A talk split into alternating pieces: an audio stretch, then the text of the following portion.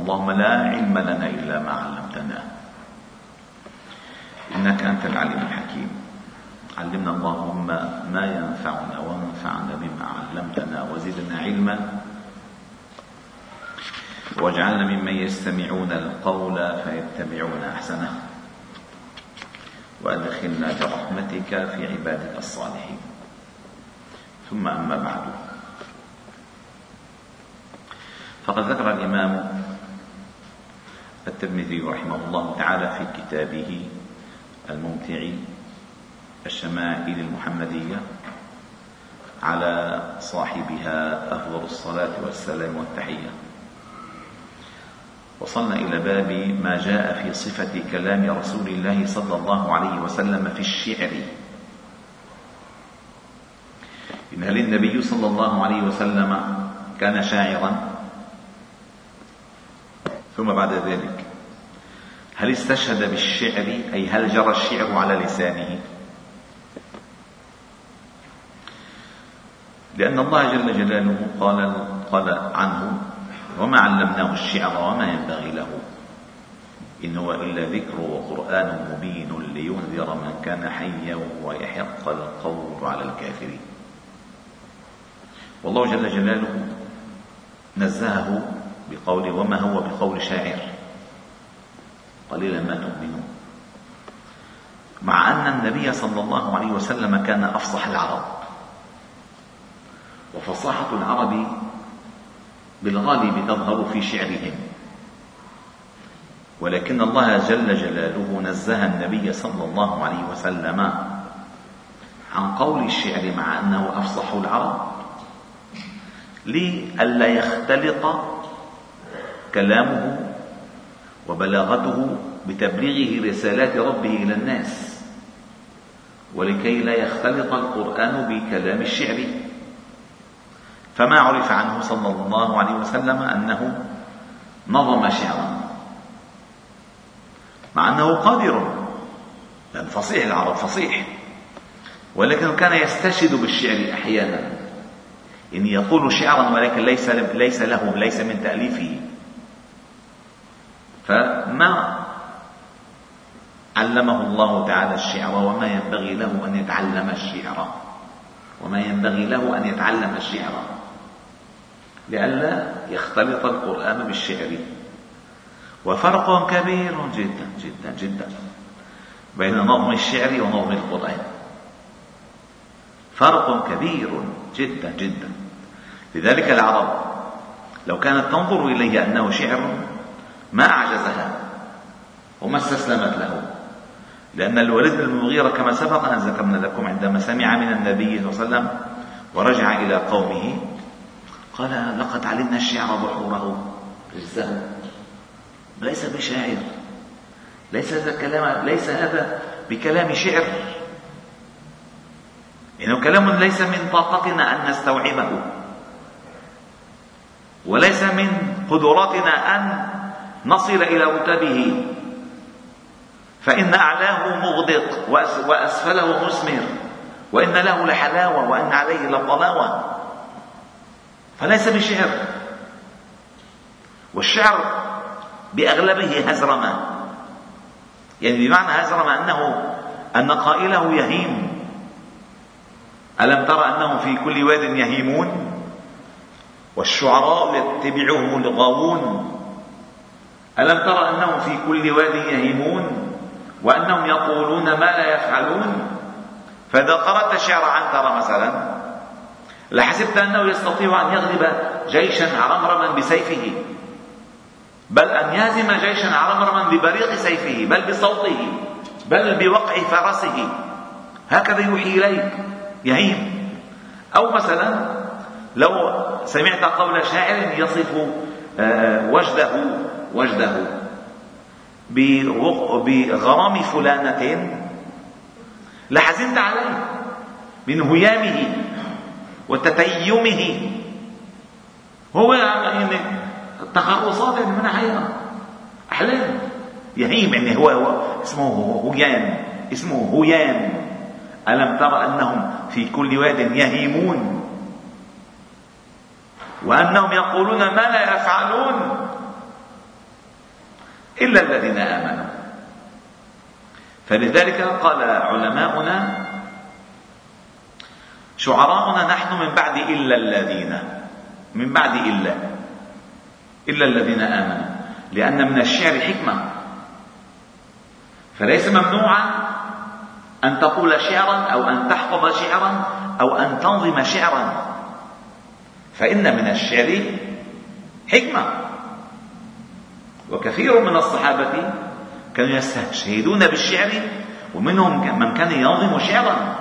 فهذا حسان بن ثابت هو شاعر النبي صلى الله عليه وسلم وعبد الله بن رواحة كذلك.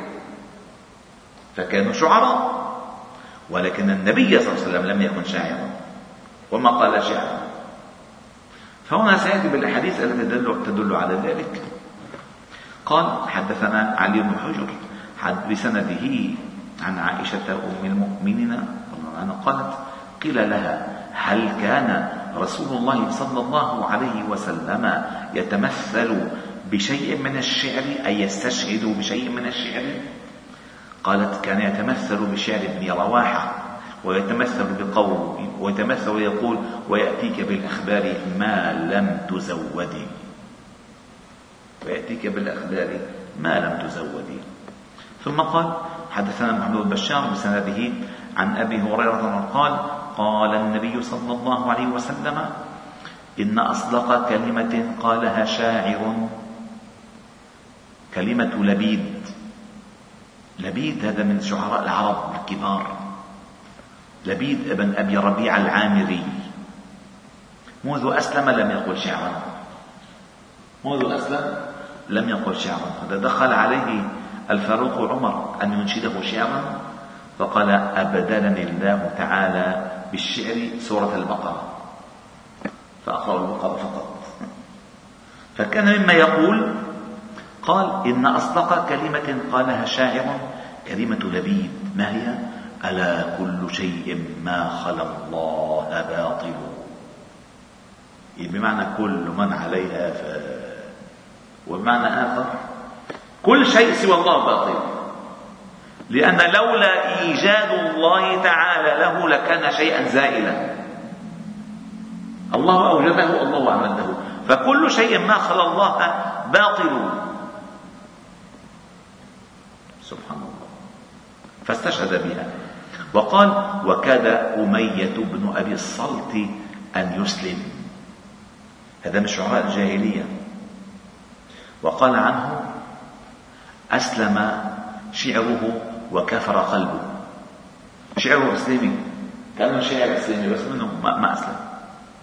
وحدثنا محمد بن المثنى بسنده عن جندب بن عبد الله بن سفيان البجلي قال أصاب حجر أصبع النبي صلى الله عليه وسلم فقال هل أنت إلا أصبع دميت وفي سبيل الله ما لقيت.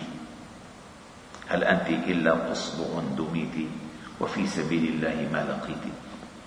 وحدثنا ابن أبي عمر نحوه. وحدثنا محمد بشار عن البراء بن عازب. قال قال له رجل أفررتم عن رسول الله صلى الله عليه وسلم يا أبا عمارة فقال لا والله ما ولى ما ولى النبي صلى الله عليه وسلم ولكن ولى سرعان الناس تلقتهم هوازن بالنبل والنبي صلى الله عليه وسلم على بغلته في موقعة حنين. وأبو سفيان بن الحارث بن عبد المطلب آخذ بلجامها والنبي صلى الله عليه وسلم يقول أنا النبي لا كذب أنا ابن عبد المطلب. أنا النبي لا كذب أنا ابن عبد المطلب. وكان يقول إلي إلي.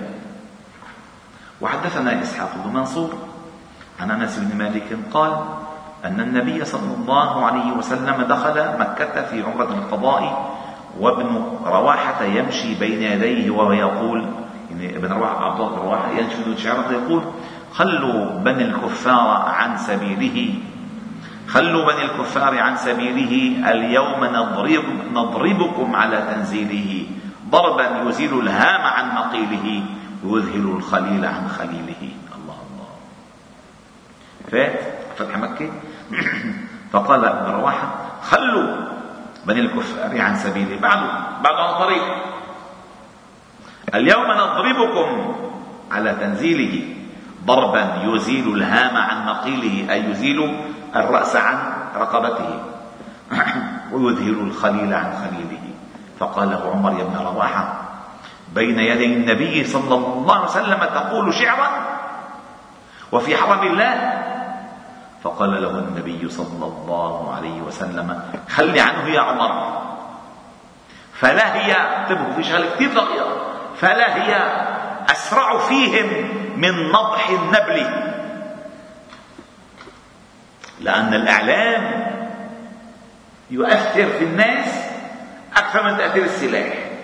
ونحن كثير كثير كثير فاشلين فيه. إعلام. شوف هنا أين إعلامنا نحن؟ أين إعلامنا في اعلام شوف إعلام الآخرين.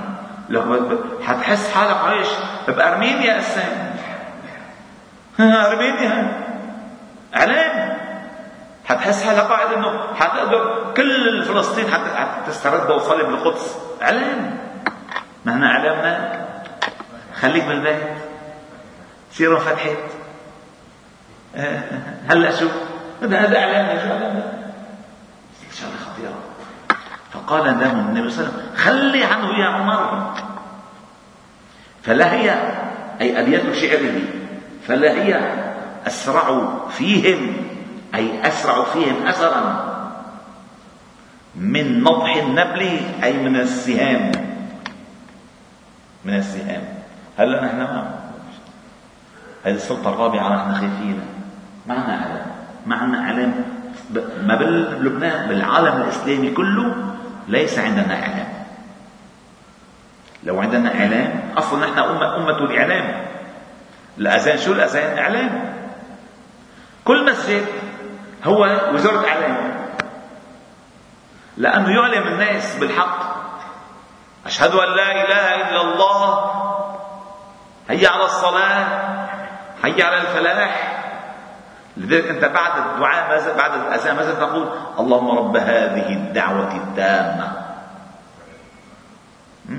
والله تعالى قال في الأذان ومن أحسن قولا ممن دعا إلى الله. قيل ذلك في الأذان. يعني أعظم دعوة في الأذان. ما في عندنا. الدعوة لا يترجم لا يترجم الأذان إعلاما في العالم الإسلامي. لا يترجم. الله الله. ودع عندنا كنوز ميتة. سبحان الله. والحمد لله رب العالمين. سبحانك الحمد أشهد أن لا إله إلا أنت. نستغفر إليه وصلي وسلم وبارك على محمد وعلى آله وصحبه أجمعين. الحمد لله.